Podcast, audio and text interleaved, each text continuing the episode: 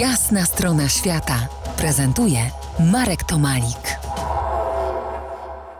Gościem jasnej strony świata Patrycja Niewiarowska. Rozmawiamy o Tierra del Fuego, ziemi ognistej, końcu świata w Ameryce Południowej.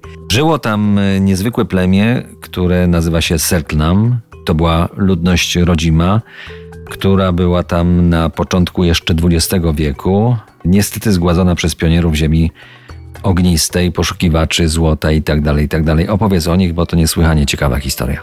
Plemienie Selknam to byli nomadzi, którzy przemierzali Tierra del Fuego w poszukiwaniu żywności. Ich żywnością był guanacos. Polowali na nie i dzięki temu mieli e, jedzenie, mieli ubiór i mieli też swego rodzaju materiał na swoje szałasy, w których mieszkali, aż do czasu, kiedy pod koniec XIX wieku podczas słynnej gorączki złota w Tierra del Fuego przybyli e, pionierzy na Tierra del Fuego. No i bardzo im się nie spodobała ta rodzima e, ludność. E, postanowili ją eksterminować całkowicie i w sumie im się to udało.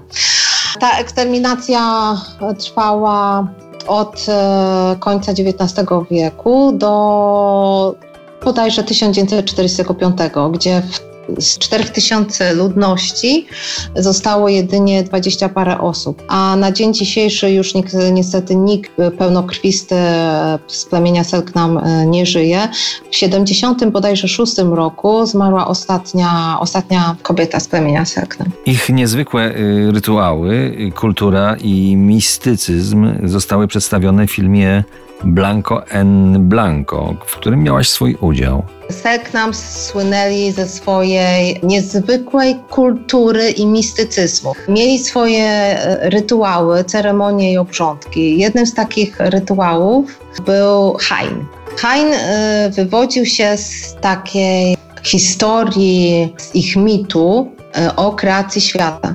Kreacja świata według Selknams kobiety rządziły światem. Stworzyły sobie swój rytuał, ceremonię w szałasie, się spotykały e, i to był taki rytuał dla młodych kobiet. Pewnego razu podczas takiej ceremonii jeden z mężczyzn zajrzał do tego szałasu i zobaczył, że kobiety są, się przebierają, dobrze się bawią i że zostali mężczyźni oszukani.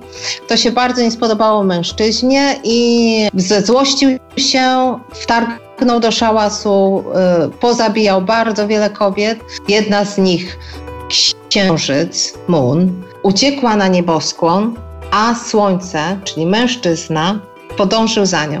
I ta gonitwa, ta ucieczka księżyca trwa do dziś dzień a kratery na Księżycu świadczą o bliznach, o zadanych ciosach przez mężczyznę właśnie na Księżycu. Do Ziemi ognistej wrócimy jeszcze raz za kilkanaście minut i będzie to na dziś ostatnie z nami spotkanie. To jest jasna strona świata w RMS Classic.